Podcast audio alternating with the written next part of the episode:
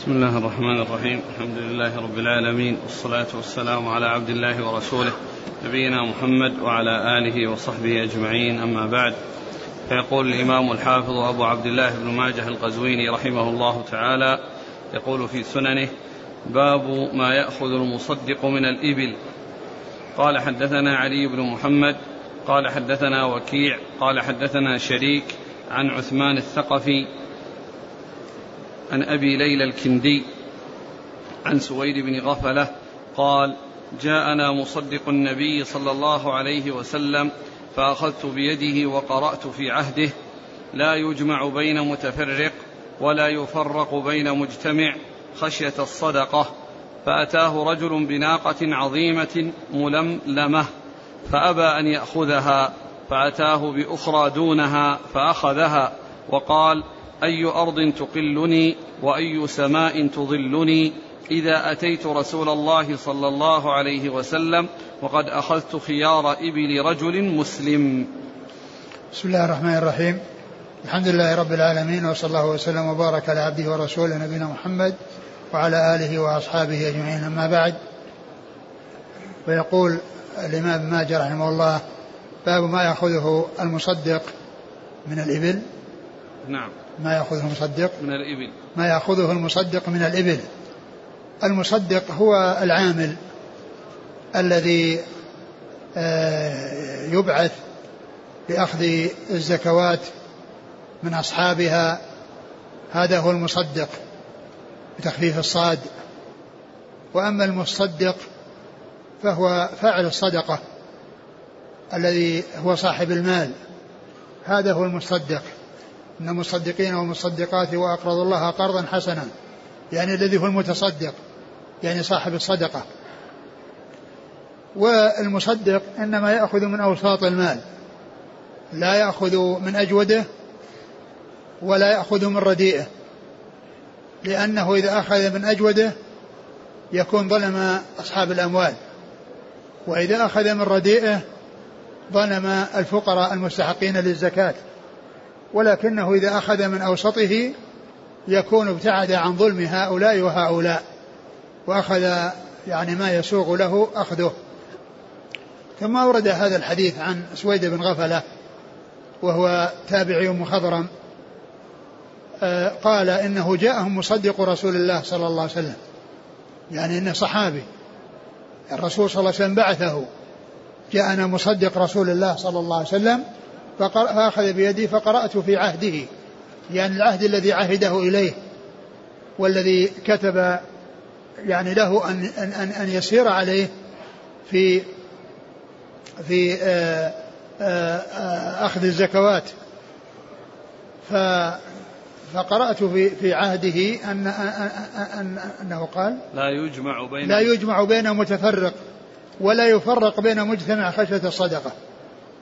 معلوم أن الخلطة في المواشي تؤثر وهذا بخلاف النقود فإنها لا عبرة للخلطة فيها أو كون النقود يعني مجتمعة فيها بحيث يكون ناس مثلا ورثوا لهم مقدارا من المال ومن النقود فكل واحد منهم إذا بلغ نصابه نصيبه نصابا يزكى ولكن لا يضم بعضها إلى بعض لتكميل النصاب وهم يعني وهم آه، يعني آه، شركاء مشتركون بل كل واحد منهم إذا بلغ نصيبه نصاب هو الذي يزكى.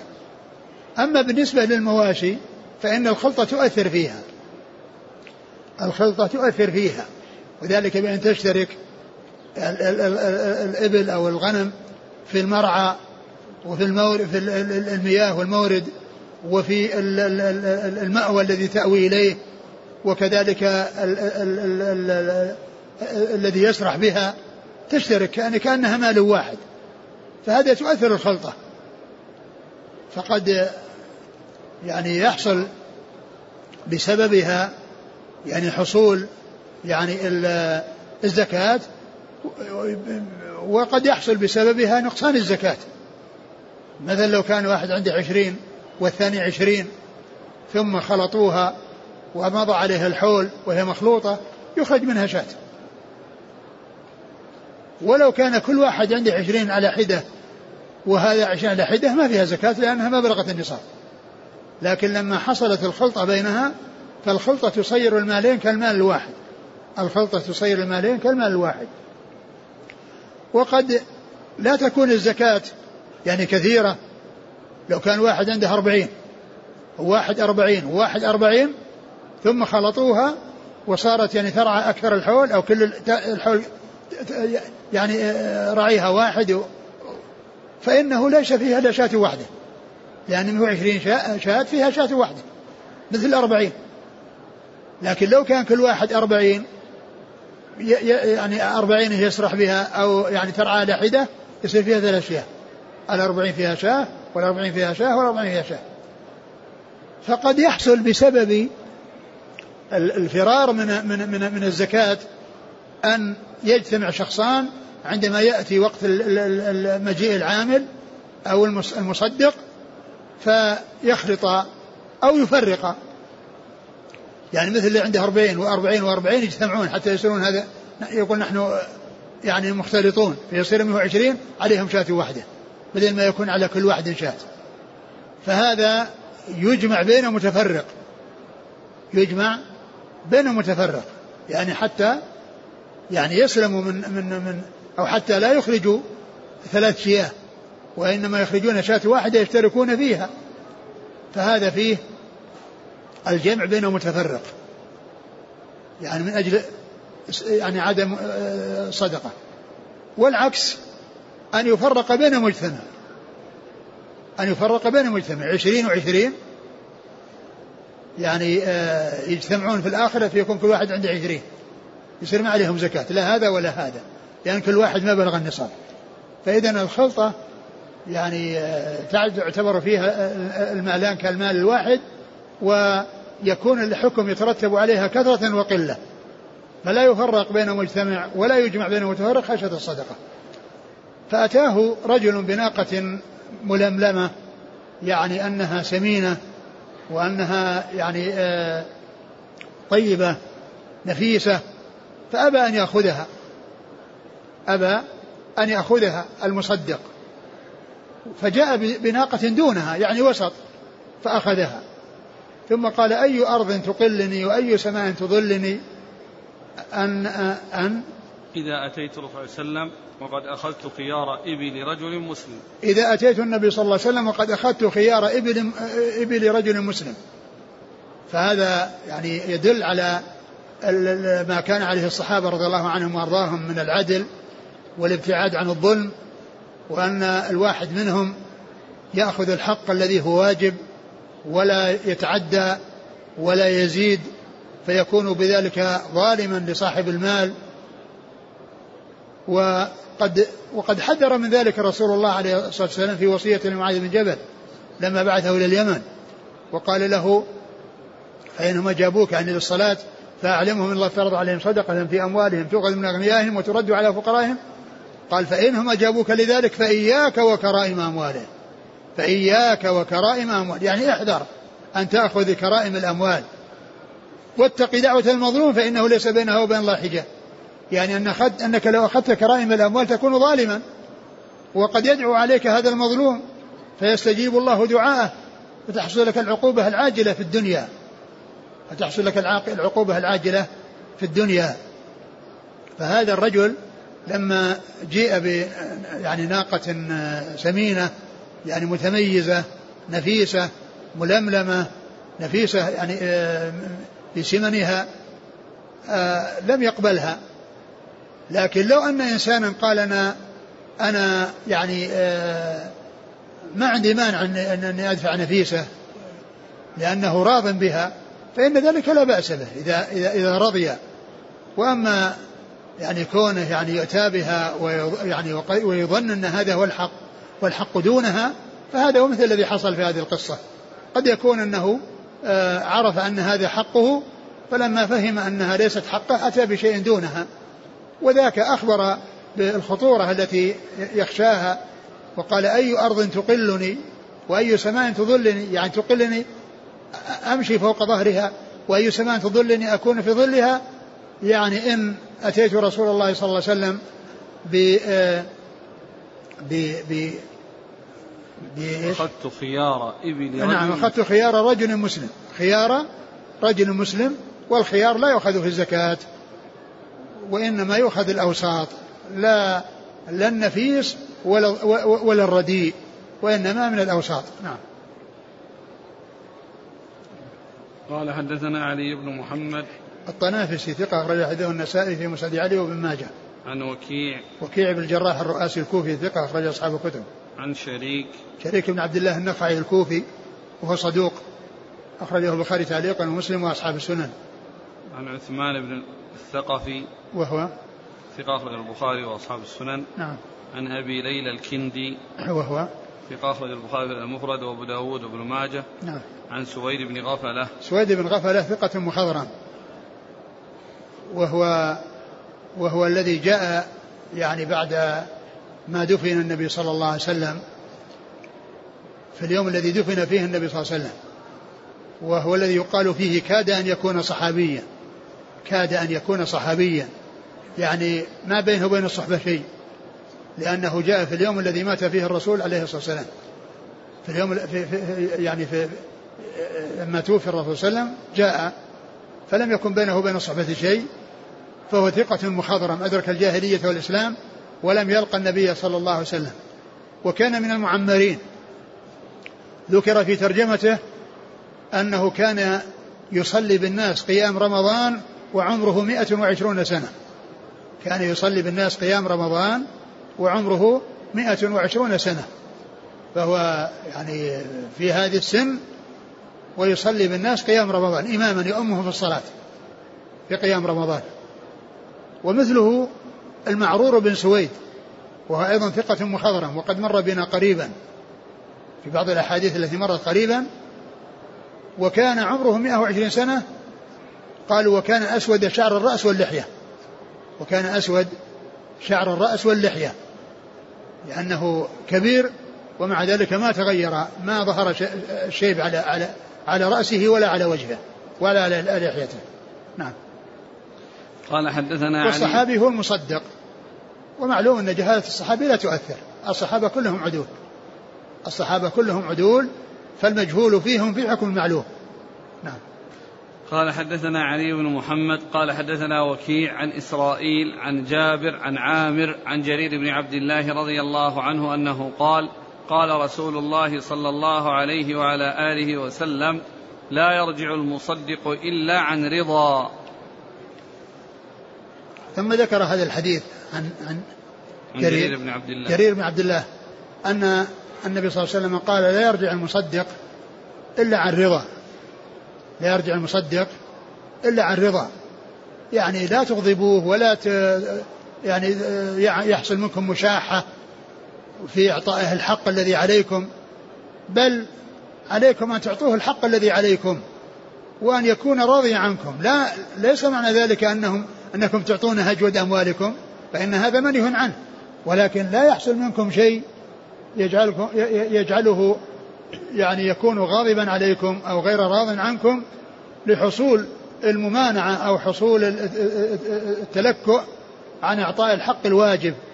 وإنما أعطوا الحق الواجب يعني وأنتم منشرحة صدوركم ومرتاحة نفوسكم آه، فرحين مسرورين بأداء الواجب الذي أوجبه الله عليكم. فأنتم تعطوا العامل الحق الذي عليكم فلا تعطوه أجود أموالكم ولا أردى أموالكم. وإنما تعطونه من أوسط أموالكم لكن لا يحصل يعني منكم أي شيء آه، في ما ينبغي أن تكونوا عليه من الاستسلام والانقياد والفرح والسرور بكونكم تؤدون الواجب الذي أوجبه الله عليكم. أنكم تؤدون الواجب الذي أوجبه الله عليكم. نعم.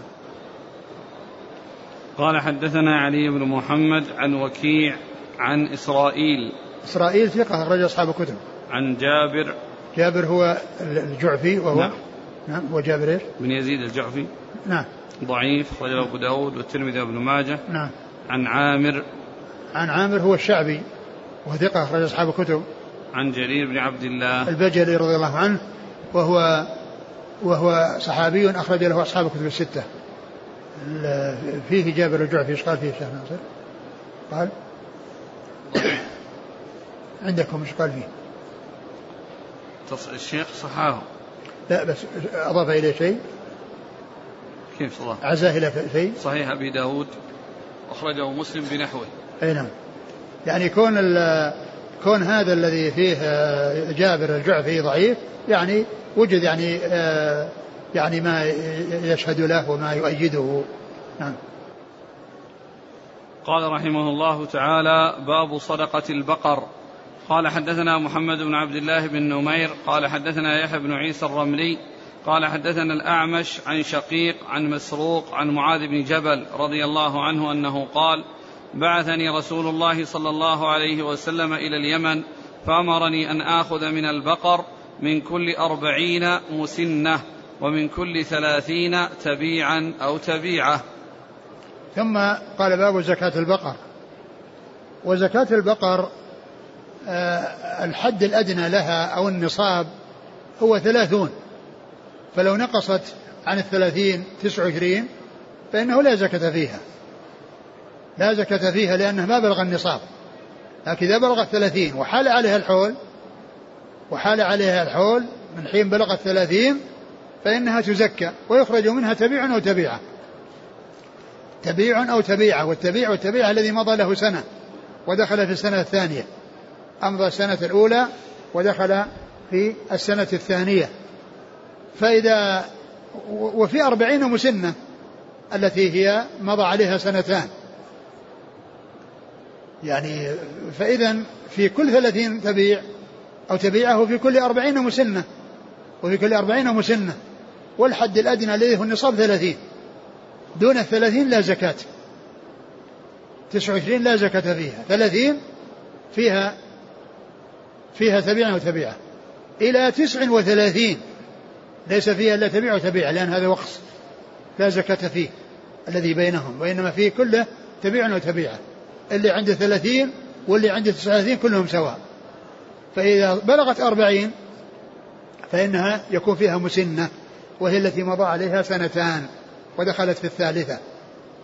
ثم إلى تسع وثلاثين ليس فيها إلا إلى تسع وأربعين ليس فيها إلا مسنة.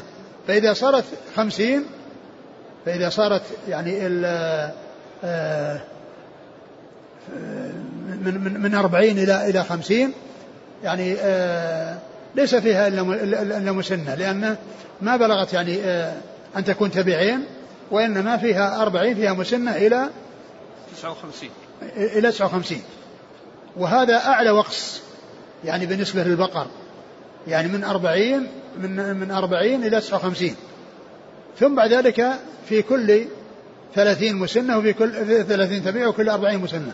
فإذا بلغ الستين صار فيها تبيعان وإذا صار سبعين يصير فيها تبيع مسنة وتبيع. وإذا صار ثمانين يصير فيها مسنتان. إذا صارت تسعين فيها ثلاث مسن ثلاث تبابيع. إذا صارت مئة إذا صارت مئة يصير فيها آه تبيعان ومسنة. ثلاثين ثلاثين أربعين. فإذا بلغت منه عشرة يصير فيها آه، آه، مسنتان وتبيع. أربعين أربعين ثلاثين. فإذا بلغت منه عشرين تساوى العددان. تساوى فإن شاء أن يخرج أربعة تبابيع وإن شاء أن يخرج أر آه، يعني ثلاث مسنات. أربع أربعين ثلاث مرات أو تبيع أربع مرات. فعند ذلك يتلاقى الذي هو أصغر عدد ينقسم على الثلاثين والأربعين بدون باقي. أقل عدد ينقسم على الثلاثين والأربعين بدون باقي اللي يسمونه في الحساب المشترك المضاعف المشترك البسيط.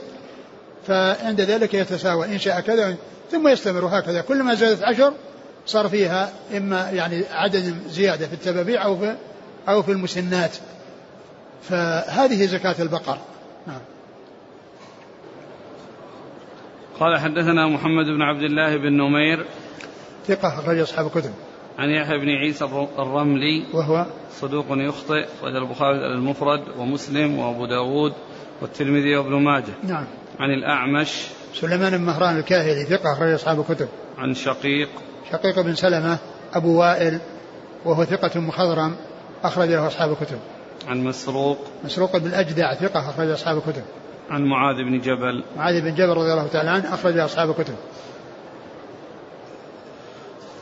قال حدثنا سفيان بن وكيع قال حدثنا عبد السلام بن حرب عن خصيف عن أبي عبيدة عن عبد الله رضي الله عنه أن النبي صلى الله عليه وسلم قال في كل ثلاثين من البقر تبيع أو تبيعة وفي كل أربعين مسنة. ثم ذكر حديث عبد الله بن مسعود وهو مثل حديث معاذ المتقدم وفي إسناده ضعف. من جهة أن أبا عبيدة ابن عبد الله لم يسمع من أبيه ففيه انقطاع. وفيه أيضا سفيان بن وكيع الذي هو شيخ ابن ماجه أيضا فيه ضعف. ف ولكن الحديث الذي قبله شاهد له فهو صحيح وثابت بالذي قبله. نعم. قال حدثنا سفيان بن وكيع. نعم هو. كان صدوقا فابتلي بوراقه فنصح فلم ينتصح فسقط حديثه. نعم. رجل الترمذي وابن ماجه. نعم. عن عبد السلام بن حرب. وهو؟ ثقة أخرج أصحاب الكتب. نعم. عن خصيف. وهو؟ صدوق سيء الحفظ أخرج أصحاب السنن. نعم. عن أبي عبيدة. أبو عبيدة بن عبد الله هو ثقة أخرج أصحاب الكتب. عن عبد الله. عبد الله بن مسعود رضي الله تعالى عنه أخرج أصحاب الكتب. في كل ثلاثين من لغة تبيع أو تبيعة ذكر أو أنثى سواء. أي نعم. أما الأربعين مسنة. نعم. مسن لا. مسنة. يعني أنها أكمل سنتين ودخلت في الثالثة. أما مسن ذكر لا, ما, ما جاء نعم. ولا في تعويض مثل ما جاء في يعني هذا. ما عندهم مثلا. أقول ما جاء في هذا شيء قال رحمه الله تعالى باب صدقة الغنم. قال حدثنا بكر بن خلف قال حدثنا عبد الرحمن بن مهدي قال حدثنا سليمان بن كثير قال حدثنا ابن شهاب عن سالم بن عبد الله عن أبيه رضي الله عنه عن رسول الله صلى الله عليه وسلم قال ابن شهاب أقرأني سالم كتابا كتبه رسول الله صلى الله عليه وسلم في الصدقات قبل أن يتوفاه الله فوجدت فيه في أربعين شاة في أربعين شاة شاة إلى عشرين ومائة. فإذا زادت واحدة ففيها شاتان إلى مئتين. فإن زادت واحدة ففيها ثلاث شياه إلى ثلاثمائة. فإذا كثرت ففي كل مئة شاة. ووجدت فيه لا يجمع بين متفرق ولا يفرق بين مجتمع. ووجدت فيه لا يؤخذ في الصدقة تيس ولا هرمة ولا ذات عوار. ثم ذكر آه، باب زكاة الغنم. ذكر باب زكاة الغنم. وذكر حديث ابن عمر. والحديث حديث ابن عمر سبق أن مر بإسناده ومتنه فيما يتعلق بالإبل فيما يتعلق بالإبل. وذكره هنا بإسناده وذكر ما يتعلق بالغنم. وهو نفس الإسناد الذي ذهب الذي مضى قريبا والذي فيه قال أقرأني أو يعني كذا يعني الزهري يعني آه، آه، نفس الإسناد الذي مضى هو نفس الإسناد الذي جاء إلا أن الترمذي أن ابن ماجه فرق الحديث وأتى في كتاب الإبل باب الإبل ما يتعلق به وأتى في باب الغنم ما يتعلق به وهو حديث واحد طويل بإسناد واحد. ولكن ابن ماجه فرقه فأتى بما يتعلق بالإبل في مكانه وأتى فيما يتعلق بالغنم في مكانه والإسناد هو هو. قال يعني هذا الكتاب مشتمل على أن في أربعين شاة شاة. في أربعين شاة شاة يعني أن النصاب هو أربعون شاة. فتسع وثلاثون ليس فيها زكاة لأنها ما بلغت النصاب. فإذا بلغت أربعين وحال عليها الحول فإنها يخرج منها شاة واحدة. ثم من أربعين إلى مئة وعشرين. هذه ليس فيها إلا شاة واحدة. فإذا بلغت مئة وإحدى وعشرين صار فيها شاتان. إلى مئتين. ليس فيها إلا شاة واحدة. ليس فيها إلا شاتان. فإذا بلغت مئتين واحد زادت على المئتين واحدة يصير فيها ثلاث شياه. إلى إلى مئة إلى ثلاثمائة فإذا زادت فيكون في كل مئة شاة. يعني معناه إلى أربعمائة ليس فيها إلا ثلاث شياه. وهذا أعلى وقص في ما يتعلق بالغنم من 201 إلى 399 ليس فيها إلا ثلاث شياه. فإذا صارت 400 يصير فيها أربع شياه. ثم في كل مائة شاة. خمسمائة فيها خمس شياه ألف فيها عشر شياه وهكذا. كلما زادت مئة زاد زاد عدد الشياه وتستقر الفريضة على بعد الأربعمائة على أن في كل مئة شاة.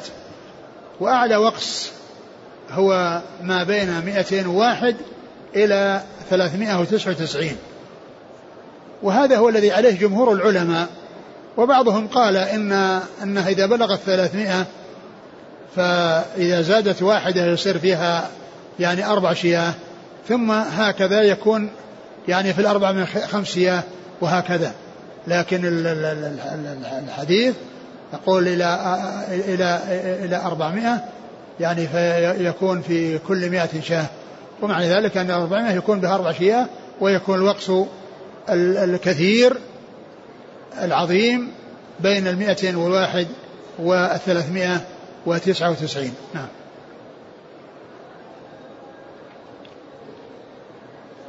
قال ووجدت فيه لا يجمع بين متفرق ولا يفرق بين مجتمع. ووجدت فيه وهذا مثل الذي قبله. لا يجمع بين متفرق ولا يفرق بين مجتمع. يعني خشية الصدقة. وقد مر في حديث قصة سويد بن غفلة الحديث الأول. نعم. ووجدت فيه لا يؤخذ في الصدقة تيس ولا هرمة ولا ذات عوار. وجدت فيه لا يؤخذ في الصدقة تيس ولا هرمة ولا ذات عوار. يعني لا يؤخذ تيس يعني إلا, إلا, إلا إذا كانت الغنم كلها تيوس أو هرمة وصارت الغنم كلها هرمات أو معيبة الغنم كلها معيبة يؤخذ من جنسها.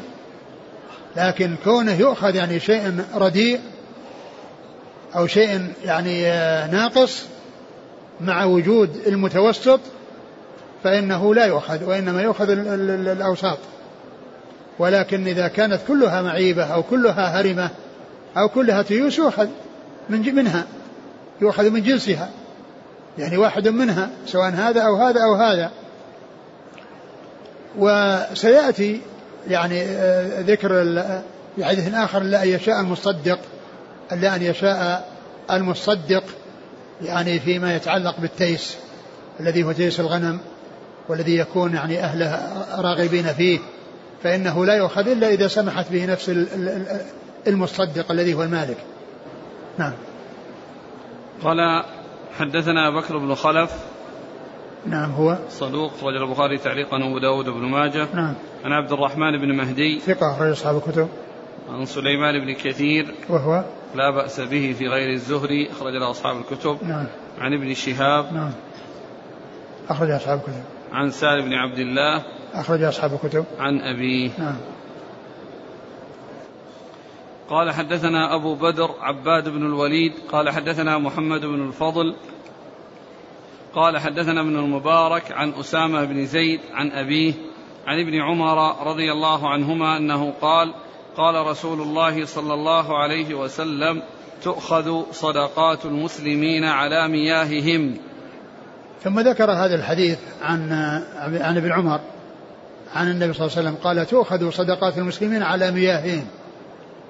يعني أن أصحاب الغنم والإبل والبقر لا يطلب منهم أن يحضروا زكا زكواتهم وأن يذهبوا بها ويسلموها للإمام أو من ينوب للإمام وهو في مكان بعيد عنهم. وإنما العامل نفسه يذهب إليهم وينزل على على مياههم ويأخذ الزكاة منهم. فلا يكلفهم بحيث ينقلوها إليه وإنما هو يذهب إلى المياه لأن المياه الأغنام والإبل ترد على المياه. يعني بعضها اليوم بعضها بكرة بعضها بعد بكرة فينزل على المياه وكل ما ورد. يعني آه، مجموعة من بهيمة الأنعام يأخذ الزكاة منها. فلا يكلف أصحاب الأموال أن يذهبوا بها وإنما تؤخذ منهم على مياههم الموارد التي يردون عليها. الموارد التي يردون عليها يعني ما يذهب لهم في البر ويلاحقون بالبر وإنما يجون عند المياه التي تأتي التي يأتون إليها ليردون عليها فيأخذون الزكوات منهم. هذا هو معنى الحديث أن أن أنهم لا يكلفون إحضارها إلى الإمام يعني التي هي المواشي وإنما يرسل العامل ليأخذ منهم الصدقات وهم على مياههم. نعم. قال حدثنا أبو بدر عباد بن الوليد هو صدوق ابن ماجه عن محمد بن الفضل وهو عالم ثقة أخرج له. أصحاب الكتب. نعم.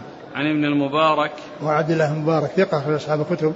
عن أسامة بن زيد وهو ابن أسلم ضعيف أخرج له. ابن ماجه نعم. عن أبيه زيد بن أسلم ثقة أخرج أصحاب الكتب. عن ابن عمر. عن ابن عمر رضي الله تعالى عنهما وهو أحد العباد الأربعة من الصحابة وأحد سبع المكثرين من حديث الرسول صلى الله عليه وسلم. والحديث في إسناده أسامة بن زيد العدوي وهو ضعيف لكنه جاء من طريق أخرى يعني آه، عن طريق من طريق آه، أسامة بن زيد الليثي عن عبد الله بن عمرو عن عمرو بن شعيب عن أبيه عن جده. أسامة بن زيد الليثي وهو صدوق. وكذلك أيضا جاء من طريق محمد بن إسحاق.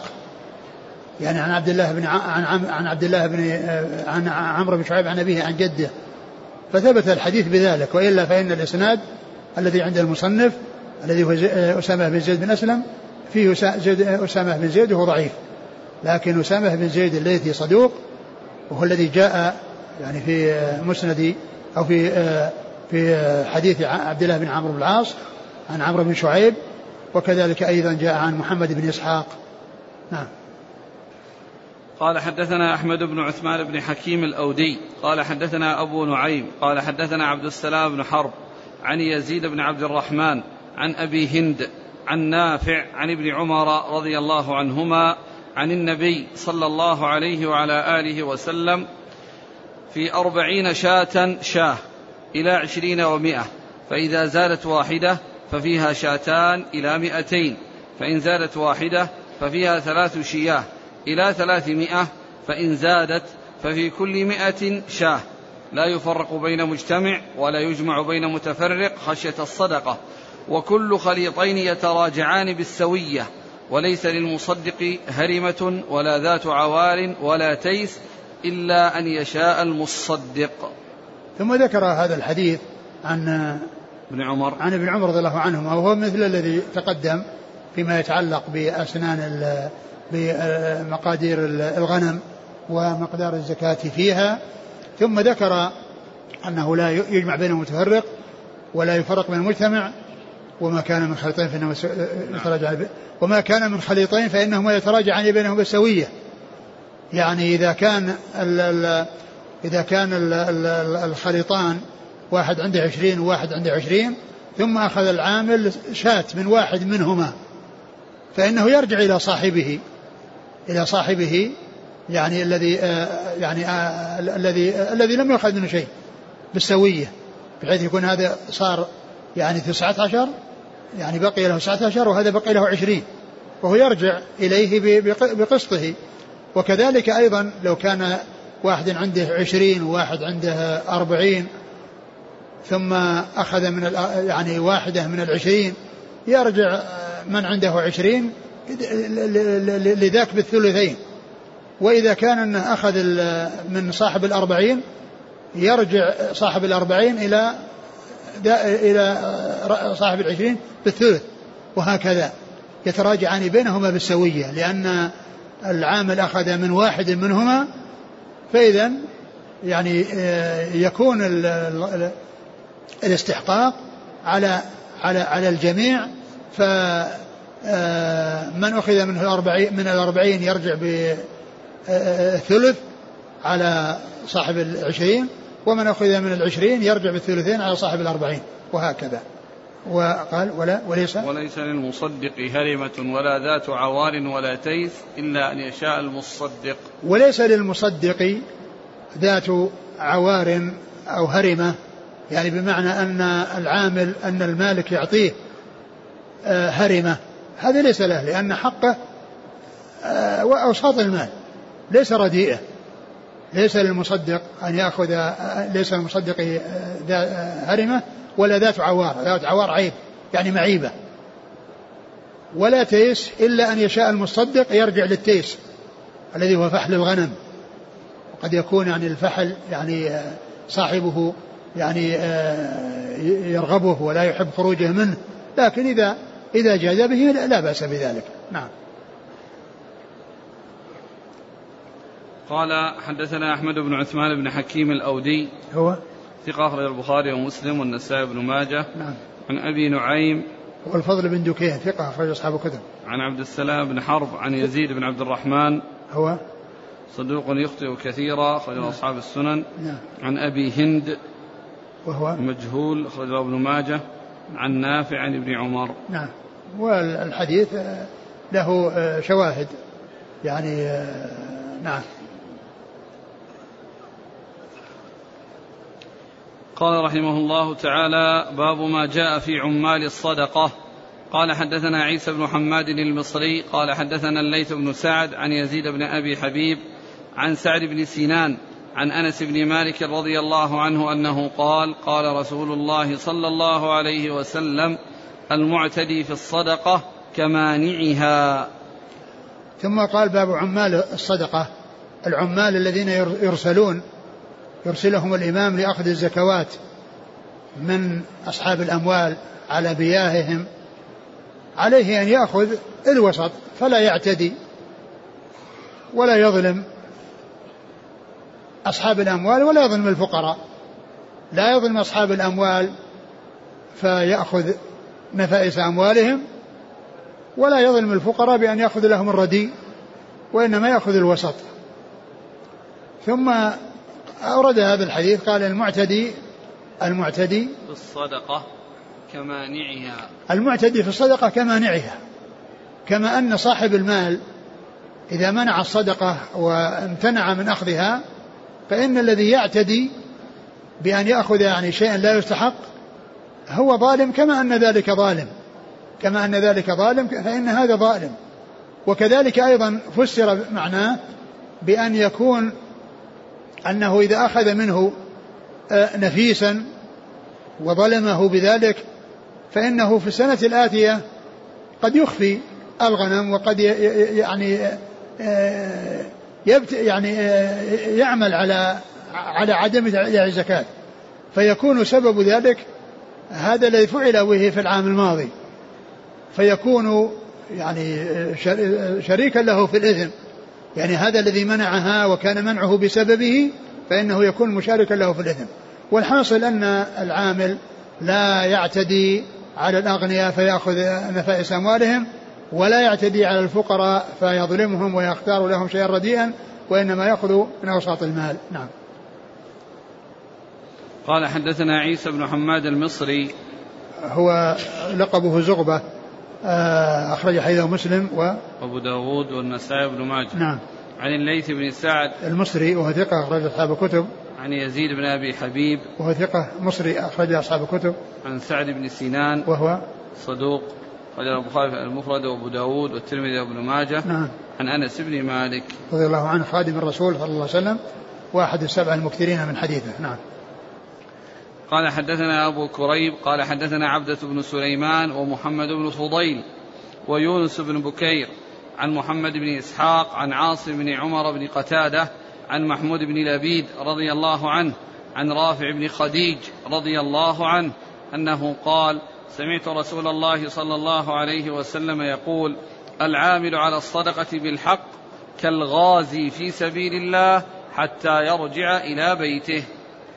ثم ذكر هذا الحديث يعني الحديث الأول في ذم يعني من يعتدي وهنا ذكر العامل إذا إذا كان يعني عادلا وإذا كان يعني غير ظالم وإنما يأخذ الحق ولا يأخذ غيره. فقال إنه كالغازي في سبيل الله حتى يرجع. كالغازي في سبيل الله حتى يرجع يعني أن أجره عظيم. الغازي في سبيل حتى نعم. نعم. العامل على الصدقة بالحق. نعم. العامل على الصدقة بالحق.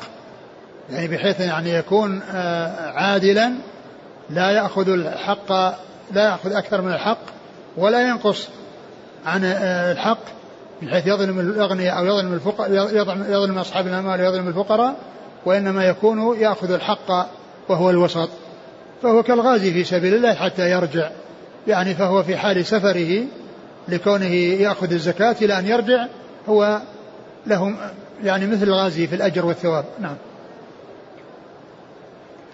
قال وهذا في حث العمال على العدل وعلى الالتزام بالحق وأن لا يظلموا أحدا لأن الظلم ظلمات يوم القيامة. والنبي صلى الله عليه وسلم كما ذكرنا في حديث معاذ قال إياك وكرائم أموالهم واتق دعوة المظلوم فإنه ليس بينه وبين الله حجاب. نعم. قال حدثنا أبو كريب.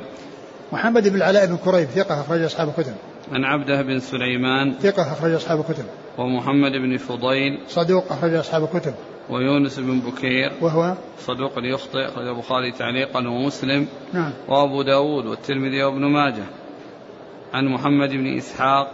وهو صدوق أخرجه البخاري تعليقا ومسلم وأصحاب السنن عن عاصم بن عمر بن قتادة وهو ثقاه أصحاب الكتب نعم. عن محمود بن لبيد صحابي أخرج له. البخاري المفرد ومسلم وأصحاب السنن نعم. عن رافع بن خديج. رضي الله عنه أخرج أصحاب الكتب. وفيه ابن إسحاق وهو مدلس وقد صرح بالتحديث في مسند الإمام أحمد. قال حدثنا عمرو بن سواد المصري قال حدثنا ابن وهب قال أخبرني عمرو بن الحارث أن موسى بن جبير حدثه أن عبد الله بن عبد الرحمن بن الحباب الأنصاري حدثه أن عبد الله بن أنيس رضي الله عنه حدثه أنه تذاكر هو وعمر, وعمر بن الخطاب رضي الله عنه يوما الصدقة. فقال عمر ألم تسمع رسول الله صلى الله عليه وسلم حين يذكر غلول الصدقة؟ أنه من غل منها بعيرا أو شاة أتي به يوم القيامة يحمله. قال فقال عبد الله بن أنيس بلى. ثم ذكر هذا الحديث عن عبد الله بن أنيس وعمر بن الخطاب أنهما تذاكر الصدقة. وهذا يدل على ما كان عليه الصحابة رضي الله عنهم وأرضاهم من التذاكر في العلم والبحث فيه ومعرفة ما عند الآخر وكون بعضهم يعني يسأل بعضا فيكون عنده ما مثل ما عنده. وقد يكون يعني ليس عنده هذا الذي عنده ولكن يحصل من مذاكرة الفائدة. إما أن يكون عنده فيصير هذا الحق أو هذا الدليل موجود عند هذا وهذا أو ليس عنده فيكون الذي ليس عنده أخذ ممن عنده. فقال فتساءلوا في, في, في, في الغلول يعني فيما يأخذه العامل من الصدقة وأنه غلول. فقال أنه يؤتى به يعني أنه من غل منها بعيرا أو شاة أتي به يوم القيامة يحمله. أن من غل منها شاة أو بعيرا أتي به يوم القيامة يحمله فيكون ذلك فضيحة له يعني حيث يعني يحمل يعني هذا الذي غله. فهو يعني يتعلق بما يجب على العمال من من من الإنصاف والاعتدال وعدم الخيانة وأن يأخذوا الحق ولا يؤدوه كما أخذوه ولا يبخسوا منه شيئا وإنما يعطونه كما حصلوه وأن من غل منهم شيئا فإنه يأتي به يوم القيامة يحمله كما يكون ذلك لمن غل في سبيل الله. وقد مر في الحديث أن العامل آه، أنه كالغازي في سبيل الله حين يرجع حتى يرجع فإذا حصل منه غلول في الصدقة فيصير مثل غلول في الجهاد في سبيل الله. نعم. قال حدثنا عمرو بن سواد المصري. هو صدوق. ثقة. ثقة أخرج له مسلم والنسائي بن ماجه. عن ابن وهب. عبد الله بن وهب المصري ثقة أخرج أصحاب الكتب. عن عمرو بن الحارث المصري ثقة أخرج أصحاب الكتب. عن موسى بن جبير وهو مستور أخرجه نعم. أبو داود بن ماجه. نعم. عن عبد الله بن عبد الرحمن بن الحباب وهو مقبول أخرجه نعم. ابن ماجه. نعم. عن عبد الله بن أنيس رضي الله عنه أخرج له. البخاري المفرد ومسلم وأصحاب السنن. نعم. وعمر بن الخطاب. عمر بن الخطاب رضي الله عنه أمير المؤمنين وثاني الخلفاء الراشدين الهادي المهديين صاحب المناقب الجمة والفضائل الكثيرة. وحديثه عند أصحاب الكتب الستة والحديث آه، في إسناده ضعف ولكنه ثابت وقد جاء يعني ما يؤيده ويشهد له في الصحيحين. نعم. قال حدثنا أبو بدر عباد بن الوليد قال حدثنا أبو عتاب قال حدثني إبراهيم بن عطاء مولى عمران قال حدثني أبي أن عمران بن الحصين رضي الله عنهما استعمل على الصدقة فلما رجع قيل له أين المال؟ قال وللمال أرسلتني أخذناه من حيث كنا نأخذه على عهد رسول الله صلى الله عليه وسلم ووضعناه كما كنا نضعه. ثم ذكر هذا الحديث عن عمران بن حسين أنه آه، استعمل على الصدقة وكان أخذ الصدقة من أهلها وأعطاها من يستحقها. فلما رجع, رجع قيل له أين المال؟ أي الصدقة أو الذي أخذته صدقة؟ قال وهل المال أرسلتني؟ أخذناه. كما كنا نأخذه في عهد رسول, رسول الله صلى الله عليه وسلم ونضعه حيث ووضعناه كما كنا نضعه. ووضعناه كما كنا نضعه على عهد رسول الله صلى الله عليه وسلم. لأنه كما جاء في حديث معاذ تؤخذ من أغنيائهم وترد على فقرائهم. تؤخذ من أغنيائهم وترد على فقرائهم. لكن إذا كان الإمام طلب من من العامل يعني إحضار الأموال ليتولى وتوزيعها فله ذلك. وإن أذن له بأن يوزعها فله ذلك.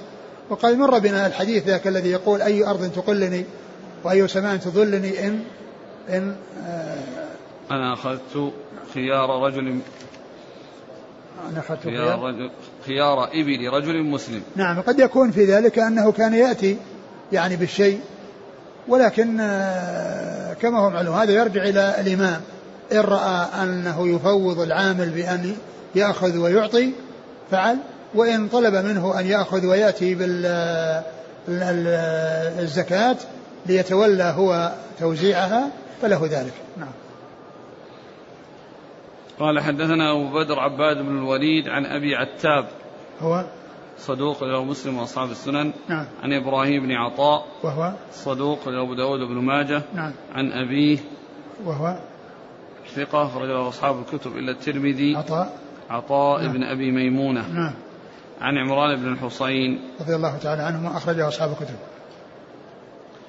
قال رحمه الله تعالى باب صدقة الخير والرقيق. قال حدثنا أبو بكر بن أبي شيبة. قال حدثنا سفيان بن عيينة عن عبد الله بن دينار عن سليمان بن يسار عن عراك بن مالك عن أبي هريرة رضي الله عنه أنه قال قال رسول الله صلى الله عليه وسلم ليس على المسلم في عبده ولا فرسه صدقة. ثم ذكر باب زكاة باب؟ صدقة الخيل باب والرقيق. باب صدقة الخيل والرقيق. الخيل والرقيق ليس فيهما زكاة إلا إذا أعد للتجارة. فإذا كان قد أعد للتجارة بأن تجارة في, في الأرقة أو تجارة في الخيل فإنها مثل عروض التجارة مثل ال ال مثل التجارة في الإبل والتجارة في الغنم والتجارة في البقر والتجارة في في المأكولات والملبوسات وال يعني المستعملات مواد البناء أو غير ذلك. كل ما يعد للتجارة مما أباحه الله عز وجل فإنها تجب فيه الزكاة. فالعبد أو العبيد والخيل إذا أعد للتجارة فيهما زكاة التجارة. أما إذا لم يعد للتجارة وما حصل فيه تجارة وإنما للاستخدام و يعني وغير ذلك فإنه لا زكاة لا في الخيل ولا في ولا في العبيد وإنما الزكاة فيهما في خصوص التجارة إذا كانت إذا كان آه، إذا كان إذا كان يتجر فيهما. أما إذا كان لا يتجر فيهما فإنه لا زكاة لأنه ما جاء عن النبي صلى الله عليه وسلم شيء يتعلق بزكاتهما وأنهما فيها أنصبة وأنه إذا بلغ كذا فيكون كذا.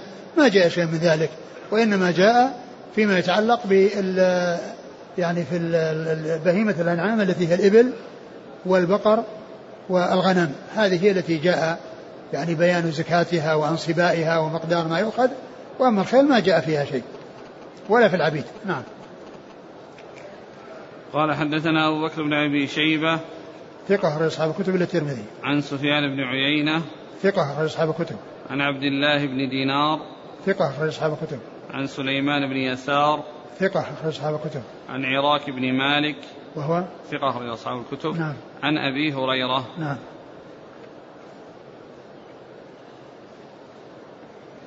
يقول حافظ بن حجر واستدل به من قال من أهل الظاهر بعدم وجوب الزكاة فيهما مطلقا ولو كان للتجارة.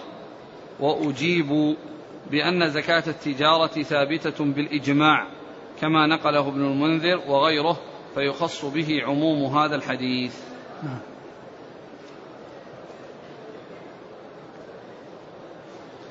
قال حدثنا سهل بن أبي سهل قال حدثنا سفيان بن عيينة عن أبي إسحاق عن الحارث عن علي رضي الله عنه عن النبي صلى الله عليه وسلم أنه قال تجوزت لكم عن صدقة الخيل والرقيق ثم ذكر هذا الحديث عن علي رضي الله عنه قال تجوزت لكم. يعني مثل لأن يعني الحديث سبق أن مر عفوت لكم عن صدقة الخيل والرقيق. تجوزت هنا تجوزت هناك عفوت لكم. نعم. سبق مرة هناك عفوت لكم وهنا تجوزت لكم. وهو مثل ما مثل عفوت لكم. عفوت لكم عن كذا وكذا انه لا زكاة في الخيل في الخيل والرقيق. والحديث سبق أن مر وفي إسناده الحارث ولكنه جاء من طريق أخرى عن عاصم بن ضمره يعني ف يعني ثبت الحديث بذلك. ويكون ذكر الحارث يعني آه تابع لغيره والحديث ثابت بدون ذكره لأنه جاء من طريق عاصم بن ضمرة فيكون ثابتا. نعم. قال حدثنا سهل بن أبي سهل. آه، صدوق حديثه من ماجه. عن سفيان بن عيينة عن أبي إسحاق. وهو السبيعي عمرو بن عبد الله الهمداني السبيعي ثقة أخرج أصحاب الكتب. عن الحارث. نعم وهو في حديثه ضعف أخرج نعم. أصحاب السنن. نعم. عن علي. رضي الله عنه أمير المؤمنين ورابع الخلفاء الراشدين الهادين المهديين صاحب المناقب الجمة والفضائل الكثيرة رضي الله عنه وأرضاه. وحديثه عند أصحاب الكتب الستة. قال رحمه الله تعالى باب ما تجب فيه الزكاة من الأموال. قال حدثنا عمرو بن سواد المصري قال حدثنا عبد الله بن وهب قال أخبرني سليمان بن بلال عن شريك بن أبي نمر عن عطاء بن يسار عن معاذ بن جبل رضي الله عنه أن رسول الله صلى الله عليه وسلم بعثه إلى اليمن وقال له خذ الحب من الحب والشاة من الغنم والبعير من الإبل والبقرة من البقر. أعد الإسناد. قال حدثنا عمرو بن سواد المصري قال حدثنا عبد الله بن وهب قال أخبرني سليمان بن بلال عن شريك بن أبي نمر عن عطاء بن يسار عن معاذ بن جبل. نعم. أن رسول الله صلى الله عليه وسلم بعثه إلى اليمن وقال له خذ الحب من الحب والشاة من الغنم والبعير من الإبل والبقرة من البقر. هذه الترجمة التي ذكرها المصنف هنا باب ما تجب فيه الزكاة من الأموال. باب ما تجب فيه الزكاة من الأموال. سبق أن مرت قريبا بهذا اللفظ. ما تجب فيه الزكاة من الأموال. وذكر فيها الأحاديث التي فيها وجوبها في الخارج من الأرض وجوبها في بهيمة الأنعام وجوبها في الورق. التي الحديث الذي فيه ليس فيما دون خمسة أوسق صدقة. يعني هذا في الخارج من الأرض. وليس فيما آه، دون خمس ذود صدقة وهذا بالنسبة للإبل ولا فيما آه، دون خمس أواق. ولا دون خمس أواق صدقة التي هي يعني يتعلق بالفضة وأن النصاب يعني فهي تجد تجد في بهيمة الأنعام وفي الخارج من الأرض والأثمان والرابع هو عروض التجارة الذي وهذا كما يعني ذكر بعض العلم أنه إجماع. وبعضهم يقول إنه يعني آه، يقدح في الإجماع لكن هذا هو المعروف والمشهور يعني عن آه، أكثر العلماء أو كثير من العلماء وقد جاء ما يدل عليه قد جاء ما يدل عليه. مثل قول الله عز وجل يا أيها الذين آمنوا أنفقوا من طيبات ما كسبتم ومما أخرجنا لكم من الأرض. أخرجوا من طيبات ما كسبتم وما أخرج لكم الأرض. ما كسبتم هو التجارة طيبات ما كسبتم أي يعني ما يحصل عن طريق التجارة. وكذلك أيضا العمومات الأخرى الدالة على آه أن أموال التجارة أنها تزكى. وهنا ذكر هذا الحديث قال بعث معاذ رضي الله عنه اليمن وقال له خذ الحب من الحب. يعني معناه تجد في الحب تجد في الحب ويخرج من ويؤخذ من الحب حب. يعني الزكاة من جنسه. وكذلك من البعير والشاة من الغنم. والشاة من الغنم يعني من جنسها. والبعيرة من البعير. والبعيرة من البعير هذا يعني آه، فيما كان فوق 25 أما ما دون 25 فإنه يخرج منها شياه كما جاء في الأحاديث الصحيحة التي سبق أن مرت. والحديث في إسناده انقطاع لأن عطاء بن يسار لم يدرك معاذ بن جبل. لأن معاذ بن جبل رضي الله عنه توفي سنة 18 في طاعون عمواس وعطاء بن يسار قيل إنه ولد سنة 19 يعني ولد بعد وفاته. فيكون فيه انقطاع. لكن آه كونه يعني الزكاة تكون من جنس الشيء هذا أمر واضح. يعني التمر يؤخذ من تمر والحب يؤخذ من حب والغنم يؤخذ منها غنم والبعير يؤخذ بعير إلا أن أخذ البعير من البعير ليس مضطردا دائما وأبدا بل ما دون الأربع ما دون الخمس والعشرين فإن في شياه. قال حدثنا عمرو بن سواد المصري عن عبد الله بن وهب عن سليمان بن بلال. سليمان بن بلال ثقة أخرج أصحاب الكتب. عن شريك بن أبي بن أبي نمر. وهو صدوق أخرج حديثه. أصحاب الكتب إلا الترمذي في الشمائل. نعم. عن عطاء بن يسار. وهو ثقة أخرج أصحاب الكتب. عن معاذ بن جبل. رضي الله عنه أخرج أصحاب الكتب. قال حدثنا هشام بن عمار قال حدثنا إسماعيل بن عياش عن محمد بن عبيد الله عن عمرو بن شعيب عن أبيه عن جده رضي الله عنه أنه قال إنما سن رسول الله صلى الله عليه وسلم الزكاة في إنما سن رسول الله صلى الله عليه وسلم الزكاة في هذه الخمسة.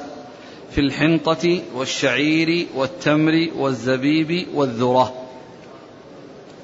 ثم ذكر هذا الحديث عن عن عن عبد الله بن عمرو. عن عبد الله بن عمرو بن العاص رضي الله تعالى عنهما أنه قال إنما سن رسول الله صلى الله عليه وسلم الزكاة في الحنطة والتمر والشعير والزبيب والذرة. والذرة.